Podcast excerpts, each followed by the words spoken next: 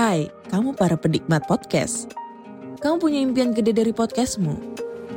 Terus First Story bisa banget bantu kamu. Mulai dari F-Link, Dynamic Audio Insertion, sampai statistik yang komprehensif. Semua ada di First Story. Gak ketinggalan kamu bisa monetisasi podcastmu lewat iklan dari First Story Ads yang bisa kasih kamu penghasilan dari setiap place podcastmu. Yuk gabung sekarang dengan klik di firststory.me.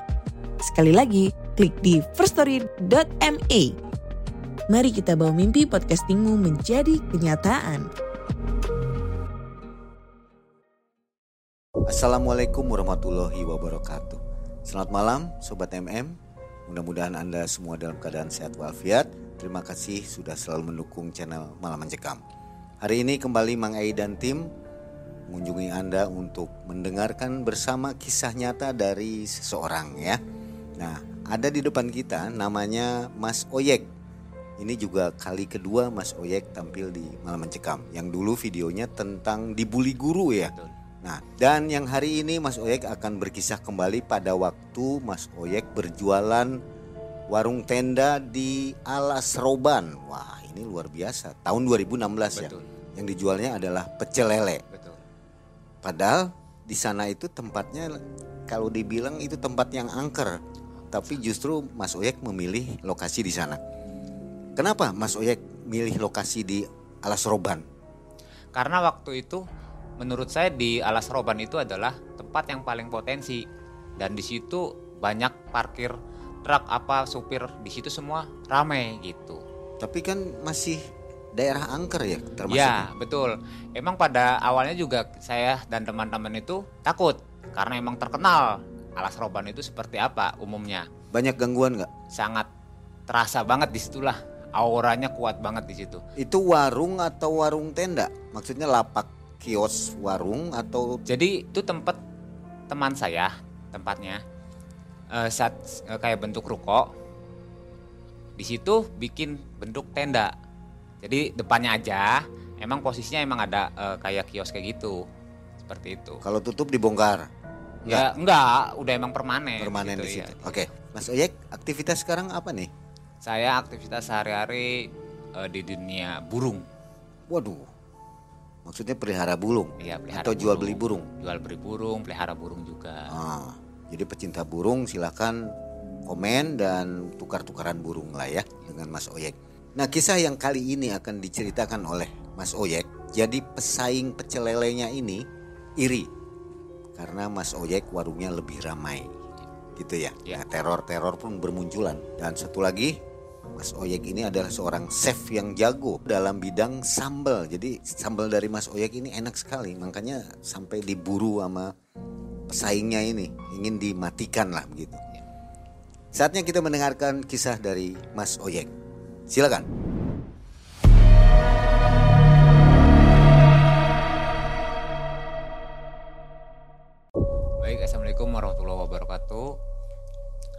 Ini cerita berawal pada tahun 2016. Dulu itu saya kebetulan diberhentikan kerja pada saat itu pengurangan karyawan dan saya salah satunya kena imbasnya. PHK ya. Iya betul. Setelah itu saya mencoba melamar ke sana kemari, tidak ada yang nyantol, nggak ada yang diterima. Akhirnya saya beberapa bulan saya coba ngelamar lagi, saya coba ngelamar lagi, masih tetap belum ada yang diterima. Kemudian saya coba menghilangkan kejenuhan saya, menemui teman saya, yaitu si Opik. Saya ke rumah Opik, dan tanpa disangka di situ lagi kumpul. Ada si Memet, ada Gedik, sama si Opik. Di situ lagi mau ada acara bakaran ikan. Pas saya datang si Memet celoteh. Nah, kebetulan nih yang biasa sa- bikin sambal datang. Spesialis. Udah tenang kalau Oyek datang sih, jaminan mutu lah. Sambelnya maknyos gitu. Di sela-sela itu kita kumpul, kita bagi tugas. Si Memet bakar ikan, si Gedik bikin nasi, si Opik sama saya eh, nyiapin bumbu untuk bikin sambelnya. setelah bikin sambel di sela-sela itu kita bercanda. Bercanda sama si Opik. Nah tiba-tiba si Opik bertanya sama saya Mang kamu sekarang kegiatannya apa? Saya bilang aduh untuk saat ini saya nganggur eh saya coba ngelamar ke sana ke sini masih ad- belum ada yang nyantol saya bilang gitu kan. Loh kata si Mehmet emang kamu nganggur? Saya kena PHK pengurangan karyawan saya bilang kan gitu. Si gediknya ya nimbrung kenapa kamu nggak nyoba usaha aja? Saya bilang aduh zaman sekarang mau usaha apa? Semua udah serba ada saya bilang kan gitu. Nah kan kamu jago bikin sambel kata si Mehmet ya bikin sambel terus mau bikin sambelnya aja gitu. Udah gini aja si Opi kan eh, apa namanya saudaranya punya ini nih budidaya ikan lele. Di sana eh, apa namanya di alas roban. Waduh alas roban. Bukannya di sana itu tempatnya lumayan angker saya bilang. Ya memang sih angker cuman kalau memang mau kamu sukses menurut saya kata si Opik di sana itu emang potensi banget tempatnya. Pada saat itu saya tidak langsung mengambil keputusan. Saya bilang ke teman-teman saya bukannya saya nggak mau nih saya harus konfirmasi dulu dengan istri. Karena biar bagaimanapun ucapan istri adalah doa saya bilang gitu. Ya udah deh udah sekarang sih. Eh, bikin ini dulu bikin sambal. Makan makan dulu ya. Setelah acara tersebut saya pulang konsultasi sama istri saya. Bu ini gimana? Teman-teman ngajakin buka usaha jualan ikan lele. Istri saya nanya ikan lele eh, jualannya di mana ya di alas roban. Aduh jangan istri saya melarang pada saat itu. Loh kenapa? Bukannya gimana gimana ya? Di sana itu tempatnya lumayan terkenal angker. Udah bu tenang aja lillahi taala. Kita kan tujuannya niatnya baik untuk mencari nafkah. Daripada ayah di sini kerjaan nggak dapat dapat pokoknya ibu nggak ngizinin. Saya bingung, saya nyampein tuh ke teman-teman. Gimana nih? Saya nggak diizinin sama istri saya. Ya udah, kalau kamu memang nggak diizinin, kamu mending pergi aja tanpa sepengetahuan istri saya. Kalau kamu ngikutin istri kamu, kamu nggak bakalan berhasil-berhasil. Kata si Mehmet. Akhirnya saya putusin, saya pikirkan dulu dengan baik-baik. Dua hari setelah eh, ngobrol dengan teman saya, saya langsung dipersiapkan pergi tanpa seizin istri saya. Pergi sama Opik karena emang posisinya yang punya tempatnya di sana saudaranya Opik. Saya berangkat ke sana ber satu berempat Nyampe sana, kita beres-beres lihat lokasi. Lokasinya lumayan nih. Sepertinya emang yang apa yang diomongin sama Opik masuk potensi. Karena di situ emang banyak supir-supir truk yang hampir ya lalu lalang dan parkir di situ. Ya banyak yang ada yang nginep juga di situ ya kan. Ya udah. Oke, siap. Di minggu pertama kita itu beres-beres aja tuh, beres-beres. Kemudian disuplai lelenya sama si saudaranya Opik. Minggu kedua kita mulai jualan. Ini nggak izin istri Gak izin istri. selama dua minggu ada. Betul. Itu gimana istri nyariin dong? Pasti itu set dia wah udah pokoknya udah marah-marah. Eh, nggak usah pulang sekalian sampai bilang seperti itu. Marah ya, marah Betul, besar. Marah besar. Nah, emang awal-awal belum terlalu ramai, masih satu dua. Di minggu ketiga itu sudah mulai ramai dan ada salah satu supir sampai bilang gini, ini benar warung pecel lele di tengah-tengah eh, alas roban gini rame. Jangan-jangan ini warung pecel goib lagi. Oh ya bener lah.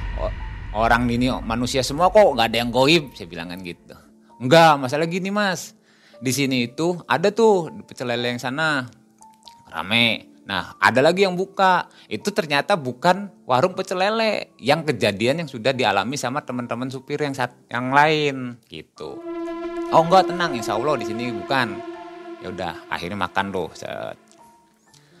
Berjalan satu bulan setengah, kita omset sudah lumayan. Kurang lebih omset saya sehari minim-minimnya 2 juta dapat sehari. Setelah jalan satu bulan setengah, saya sudah merasa punya uang. Saya pulang tuh, nengokin istri. Nih hasil saya selama satu bulan setengah di sana. Store sama istri. Nah setelah itu istri saya sempat marah kenapa kamu pulang. Percuma kamu ngasih uang pun karena saya tidak mengizinkan. Bu, saya ngadem-ngademin. Saya tuh ke sana nyari nafkah, bukan mau foya-foya. Ini saya pun membawa hasil. Untuk apa? Ya untuk keluarga kita. Udah pokoknya jangan berangkat lagi, istri saya bilang gitu. Setelah keesokan harinya, saya tetap maksa. Pergi lagi, berangkat. Karena emang kuncinya ada di saya. Kalaupun saya tinggal, di sana yang bikin sambelnya nggak ada. Adalah emang kuncinya di saya. Akhirnya saya berangkat lagi, peng ke sana. Saya bilang ke istri saya begini, ini sudah menghasilkan kalau ditinggalkan sayang. Kita mulai dari nol. Ini sudah berjalan sudah lama satu bulan setengah. Makanya saya saya tinggalin, saya bilang gitu kan. Dah, saya berangkat tes. Nyampe sana, buka lagi sama teman-teman. Eh, ada yang datang dua cewek. Namanya tuh Ratna sama Sari. Ratna dan Sari itu eh, awalnya makan, makan biasa. Makan biasa. Kita kenalan lah, namanya juga eh, cewek. Teman-teman yang lain pada godain. Kenalan, saya sebatas kenalan aja sama Ratna sama si Sari itu. Minggu kedua pun datang lagi. Saya belum menaruh firasat sama kedua orang tersebut. Masih santai. Tiba-tiba itu si Ratna bilang memuji. Mas, ini sambelnya enak loh mas. Beda sama lele yang di tempat sana. Emangnya di sebelah mana ada yang jual lele lagi? Kan gitu. Dia kurang lebih 500. Dia bilang gitu kan. Maksudnya 500 apa? 500 meter. Oh jaraknya. Jaraknya 500 meter. Jadi Mas Ojek nggak tahu keberadaan warung Nggak tahu, nggak tahu. Karena emang saya pun di situ eh, nggak dapat informasi karena bahwa yang jualan lele itu ternyata 500 meter jaraknya, gitu kan. Setelah itu, oh 500. Boleh deh nanti saya mampir, saya bilang gitu kan. Ya boleh, boleh, boleh. Tiap libur kan saya hari Jumat. Libur. Nah, di sana buka Jumat. Saya coba mutusin main ke sana, coba lelenya ya intinya sih jalin silaturahmi sih tujuan saya kan, biar nggak ada permusuhan tujuan saya. Saya main ke sana dan ada si Ratna, perempuan itu ada di situ. Saya nanya, kalau itu siapa? Oh itu bapak saya. Eh, si bapaknya Ratna itu belum tahu kalau saya itu jual lele yang rame itu, ya kan? Oh itu bapak, ya. Pesen dong satu porsi, saya makan. Ya menurut saya enak, lelenya juga enak sama sambalnya juga enak di situ juga.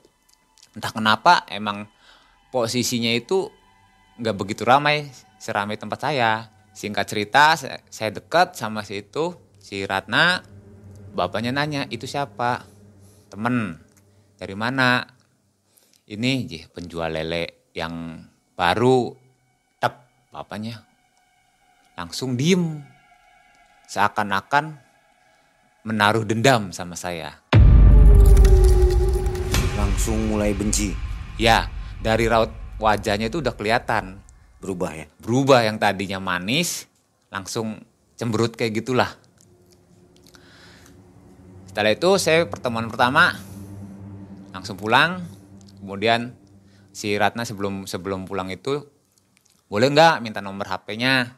Oh boleh, sok nggak apa-apa buat sharing-sharing barangkali oh, mau nanya bikin sambelnya enak kata si Ratna. Ya udah saya kasih tanpa menaruh curiga sama si Ratna. Setelah itu saya pulang, kemudian ya biasa jualan. Di minggu kedua libur lagi kan, libur kedua si Ratna ngajakin saya main, ketemuan di luar. Ngobrol sama si Ratna, Mas gimana sih kok bisa bikin sambelnya enak banget seperti itu. Standar bumbunya sama kata saya tuh. Mungkin dari segi kebersihan atau ke pelayanan kurang paham saya bilang kan. Semua kan ada kecocok-cocokan gitu. Oh ya udah kapan-kapan main lah mas ke rumah. Siapa tahu kita bisa sharing di sana bareng bapak. Iya siap siap siap. Udah itu pertemuan yang kedua. Saya pulang lagi saya belum menaruh curiga juga, masih standar sama teman-teman. Waduh, dari mana kamu? Cariin, awas nanti kesasar, sambet lagi, kata teman saya si Memet itu, yang biasa nyerot. Enggak, tenang, saya bilang, main, hilangin kejenuhan, suntuk, jualan terus, saya bilang kan gitu. Akhirnya, pertemuan ketiga itu di Jumat lagi, libur lagi, saya main ke rumahnya. Setelah tutup pecelelenya di sana. Saya main ke rumahnya. Assalamualaikum masuk. Nah, si bapaknya yang biasanya salaman mau itu nggak mau. Saya salaman tuh menolak. Nggak usah. Biasa aja. Ya udah nggak apa-apa. Itu di, dikeluarin makanan. Jaburan sampai makanan. Nah, saya disuruh makan sama si Ratna tuh saya makan tanpa menaruh curiga. Pulang dari situ, malamnya saya seperti kedatangan makhluk goib. Itu waduh tinggi besar ya bisa dibilang mirip kayak buta hijau lah. Saya apa ya? Jantung ini aduh deg-degan. Ini ada apa? Saya bilang kan. Setelah bangun tersadar dari mimpi itu. Ah semoga aja ini biang tidur. Saya jualan. Kok pengennya ketemu sama si Ratna terus gitu kan? Ada apa gitu kan? Ah udahlah abaikan. Saya di bulan berarti satu bulan setengah berikutnya saya pulang lagi ke istri setor. Ya biasa awal ribut lagi tuh. Sudah dibilangin jangan berangkat, berangkat maksa. Udah pokoknya terima beres aja. Yang penting di sini ternafkahi tercukupi saya bilang. Ya udahlah, apa kata ayah aja di situ. Kemudian saya berangkat lagi di bulan 4, masuk ke bulan 4. Sesampai di sana kok biasanya saya langsung ke tempat saya, itu saya langsung ke sana ke rumahnya si Ratna. Jadi perasaan tuh pengennya ketemu terus sama si Ratna tuh. Datang ke sana, ya itu disediain lagi makanan. Ya tanpa menaruh rasa curiga ya. Makan biasa aja. Malamnya saya langsung tepar. Tepar sakit, tapi belum parah, masih standar. Masih meriang pokoknya pucet lah.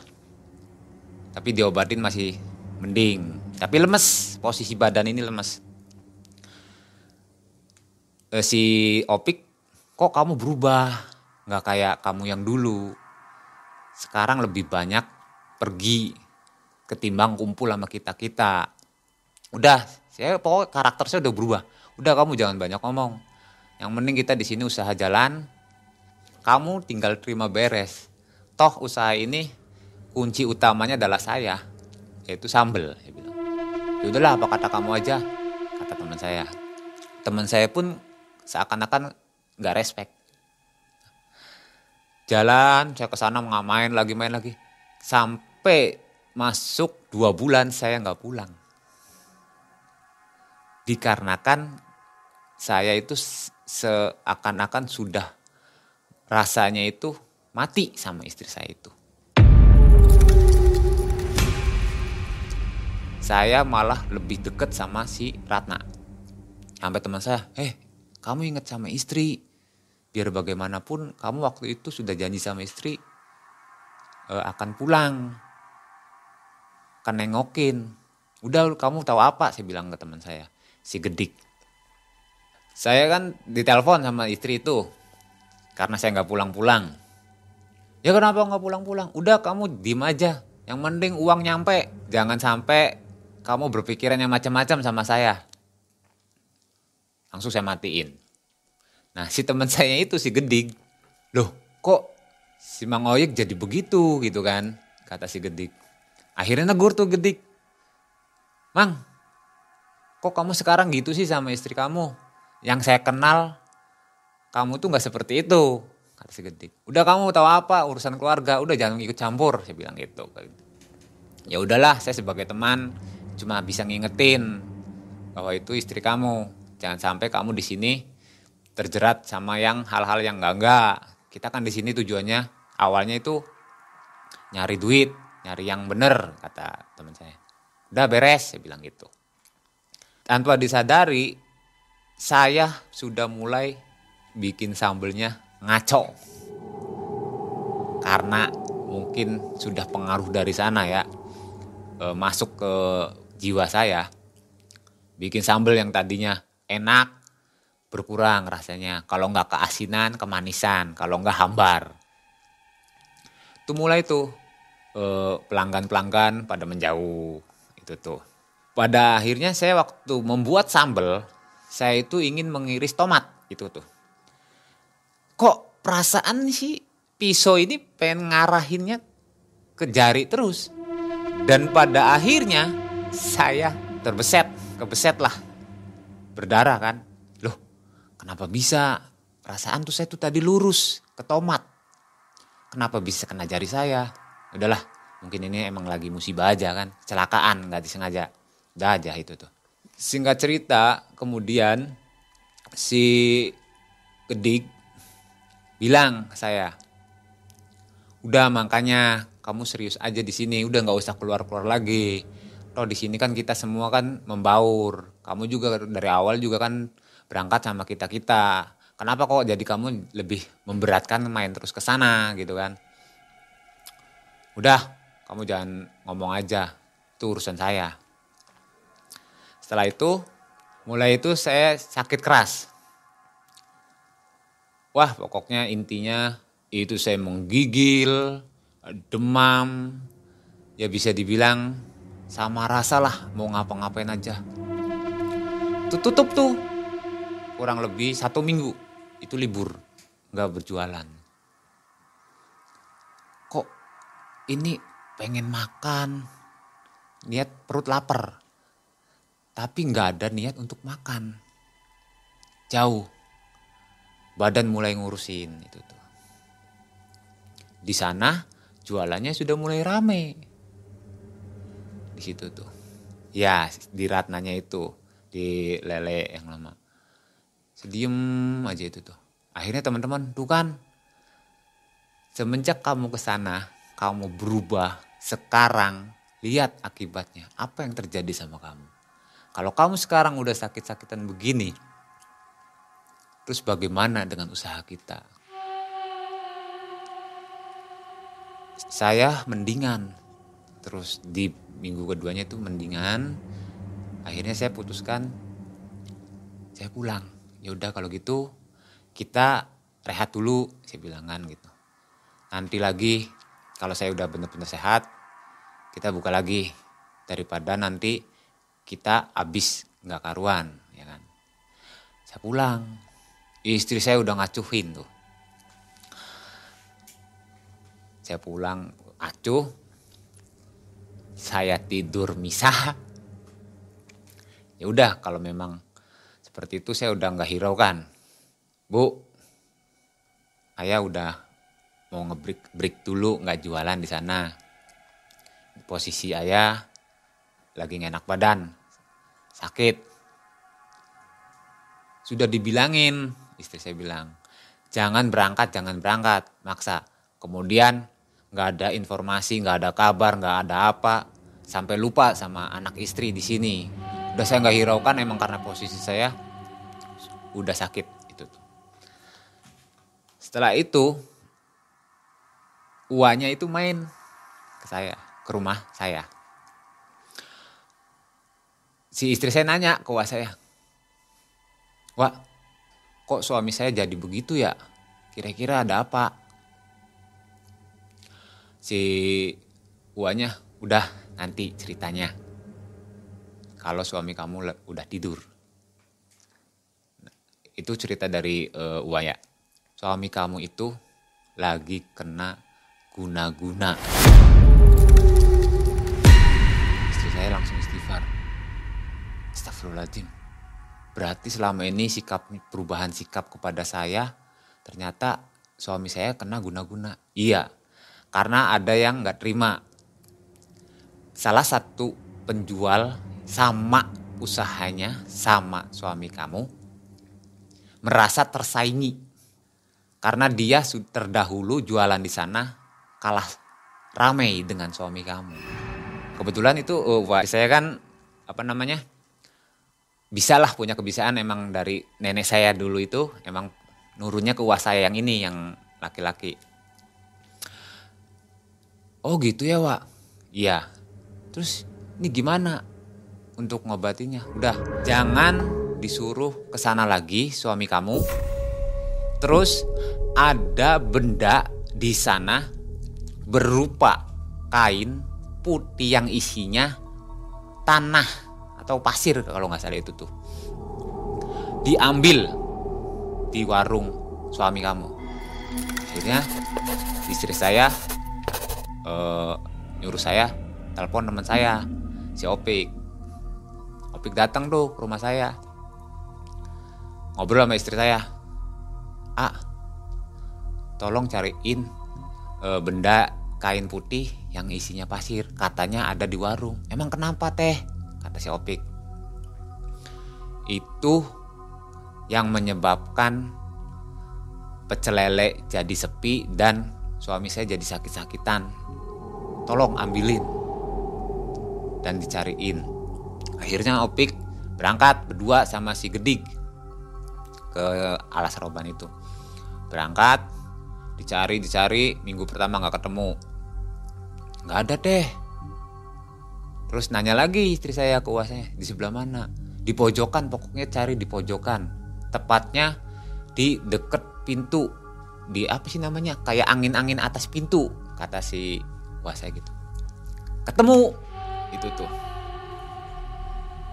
Kain putih yang isi pasirnya diambil kemudian dibakar dibawa ke uas saya maksudnya dibawa ke uas saya terus dibakar dibakar, di sananya ngerasa bahwa benda itu sudah diambil. Jadi untuk masuk ke sayanya itu jadi berkurang. Ya kan? Jadi 50% yang tadinya hampir saya bisa dibilang apa ya mati rasa lah kalau bisa dibilang pengen mati lah udah sesek sesek banget sesek di sana akhirnya sudah ketahuan saya berobat sama uas saya dan ternyata di sana tanya ke gurunya mungkin saya uas saya apa namanya punya bisa kebisaan dan ilmunya lebih tinggi kemungkinan gak masuk saya sembuh. Dan saya nanya ke uahnya uah, saya wah emang saya kenapa Nah, makanya diceritain ke dari was saya, kamu itu kena guna-guna dari pecel lele yang lama yang jual itu. Loh, kok bisa? Kamu deket sama anaknya, sama Ratna. Iya, yaitu mediatornya itu Ratna. Ratna itu sudah dipasang susuk oleh bapaknya untuk ngedeketin kamu, untuk ngejebak kamu, biar usaha kamu mati dan kamu yang akan menjadi tumbalnya. Saya kaget. Astagfirullahaladzim. Apa iya? Makanya kalau apa-apa mau usaha apa pun, mau ke mana pun, kalau istri kamu tidak menyetujui, melarang, kamu jangan berangkat. Itu alasannya kenapa kamu bisa seperti ini. Seperti itu. Saya, ya Allah, berarti saya salah selama ini. Padahal saya tujuannya benar ya kan? Pengen nyari yang lebih. Kemudian istri saya tuh kan sudah dibilangin jangan berangkat jangan berangkat. Akhirnya kan seperti ini. Kalau udah seperti itu kan gimana? Yang repot kita juga. Ya ayah salah uh, maafin. Yang selama ini nggak percaya sama ibu. Ibu udah ngelarang ayah. Sebenarnya itu sudah warning. Ayah nggak boleh berangkat tapi ayah memaksa. Dan pada akhirnya ayah kena imbas dari semua ini. Ya udah sekarang sih jalanin aja dulu. Usaha apa pun istiqomah di sini. Sekecil apa pun pendapatannya disyukurin. Kata wa saya. Iya wa eh, istri saya bilang udah sekarang coba usaha apa tak apa. Akhirnya saya coba usaha. Ternyata si tukang pecel lele itu masih belum puas ngirim santet lagi berupa makhluk goib terbang kayak cahaya merah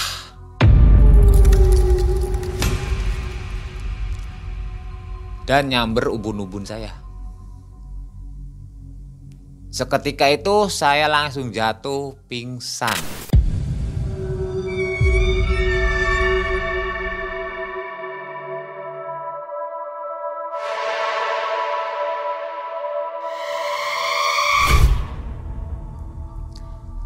Dan itu diangkat sama warga cerita dari istri saya ayah itu waktu itu setelah sadar ya pingsan di tengah jalan di bawah.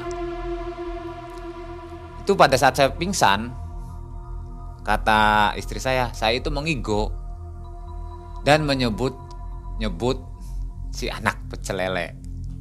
Ratna, Ratna, Ratna seperti itu. Jangan tinggalin saya. Karena pada saat itu, pada saat pingsan, saya yang ada di dalam pikiran itu saya itu mau dibawa di tempat alam goib. Kalau saya sampai ke bawah, mungkin nyawa saya akan melayang.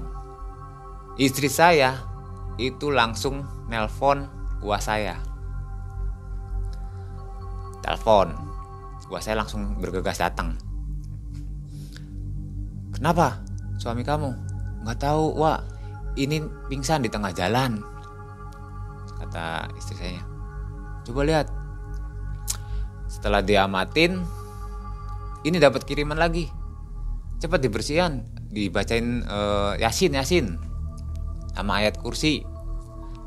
Istri saya ngaji, nah nggak tahu uh, wah saya kata istri saya sih membaca apa gitu, rapalan-rapalan seperti itu untuk ngebalikin. Akhirnya itu dibalikin ke sana. Dibalikin ke sana yang kena anaknya si Ratnanya bukan si bapaknya. Si Ratnanya sampai sekarang pun setiap punya kekasih gagal. Pasti di tengah jalan putus seperti itu.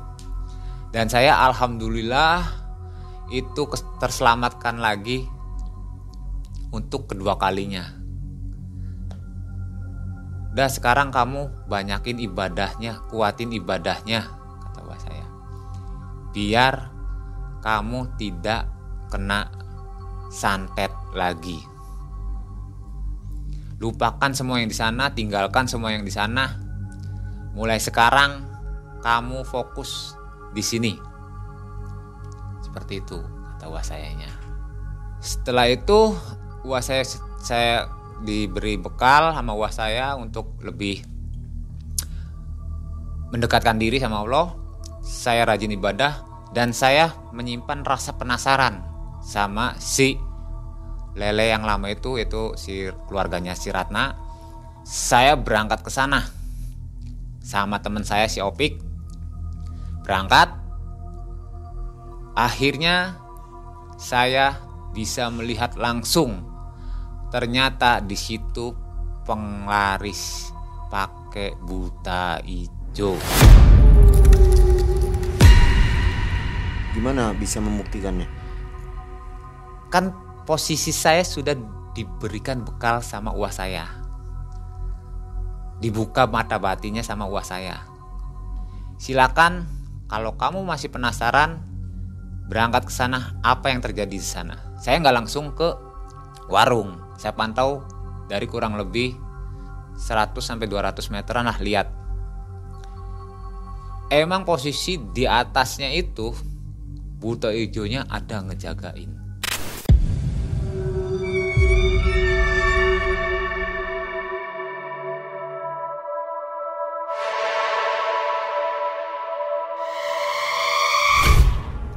Di situ saya baru ternyata dia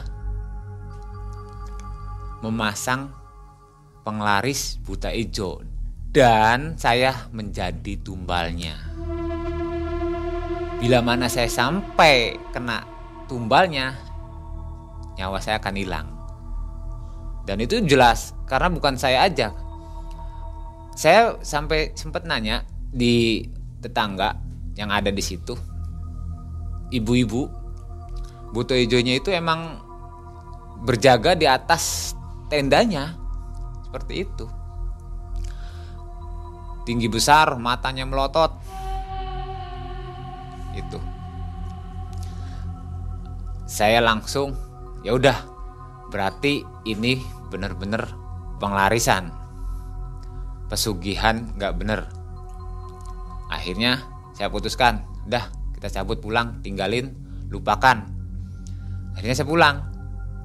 Saya laporan ke Wak saya.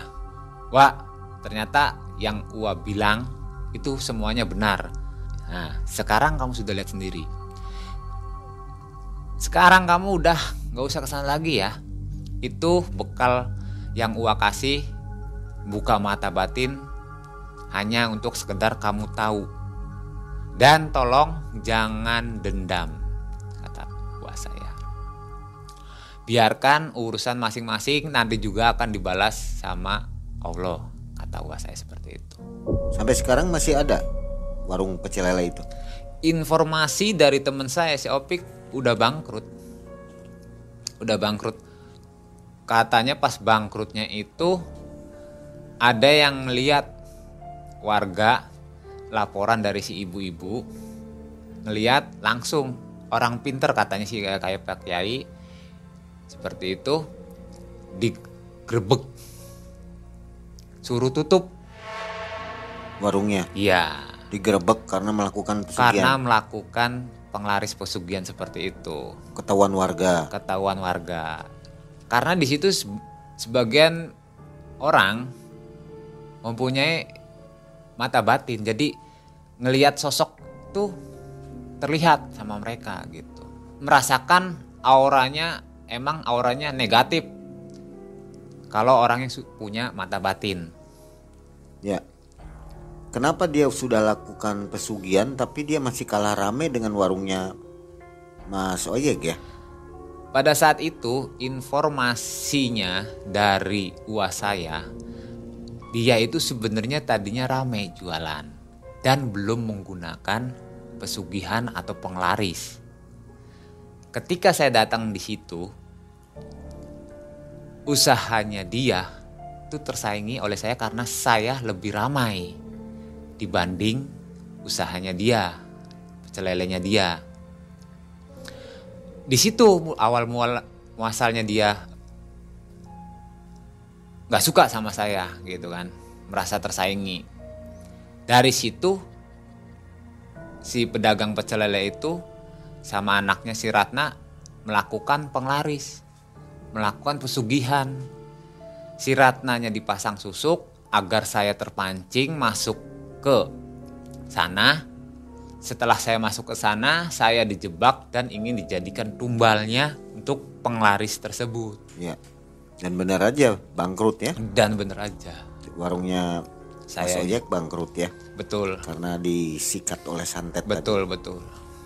Nah, sobat MM, barangkali jika suatu saat melewati Alas Roban di sana ada warung pecel lele, itu bukan pecel lele goib, itu pecel lele asli ya. Betul, betul. Jadi kalau ada pecel lele goib, memang ada di sana ya Mas Ojek. Betul, betul. Pernah dengar cerita pecel lele goib di Alas Roban? Iya, Itu ceri- gimana? Itu Ada. cerita dari salah satu supir yang ada di situ. Memang betul ya. Emang betul. Gimana bisa kisahkan sebentar? Jadi kata si supirnya itu dia merasa makan di situ ada yang lihat itu bukan makan di warung. Cuman di posisinya itu cuma di pinggir jalan duduk. Yang dia makan itu nggak ada sebenarnya cuma daun aja yang dilihat sama temennya itu. Tapi yang si supirnya itu yang merasakan sedang lagi makan. Itu kejadiannya siang atau malam? Malam, tentunya malam. Pasti malam ya. Malam. Jadi seperti orang ini ya, Betul, betul. orang aneh gitu ya Iya. makan pakai daun. Betul, betul. Sedangkan yang orang yang sadar melihat semua dia hanya makan di daun. Betul. Oh gitu. nggak makan itu seperti itu Ngeri juga ya. iya Memang daerah masih angker sama sangat sampai sekarang ya. sangat sangat Oke, sobat MM, itulah kisah di tahun 2016 Betul. kisah nyata dari Mas Oyeng ya. Jadi hati-hati melewati alas roban juga. Hati-hati jika makan di sana. Kalau enak ya kabari kita ya. Barangkali kita bisa berkunjung juga. siap Ada yang ingin disampaikan ke penonton MM? baik sobat MM ini pesan saya aja jikalau suatu saat nanti pengen buka usaha mau pergi ke mana pun kiranya istri tidak merestui kalau memang masih bisa untuk dikerjakan di sini bareng-bareng sama istri lebih baik ikut karena firasat seorang istri itu biasanya benar Luar biasa. Itu pesan dari Mas Oyek ya. Dan mudah-mudahan kisah ini menambah kembali wawasan kita tentang dunia mistis. Menambah info dan patut kita renungkan tadi kata-kata dari Mas Oyek. Akhirnya Mang Ei dan tim undur diri sampai jumpa di video selanjutnya. Assalamualaikum warahmatullahi wabarakatuh. Waalaikumsalam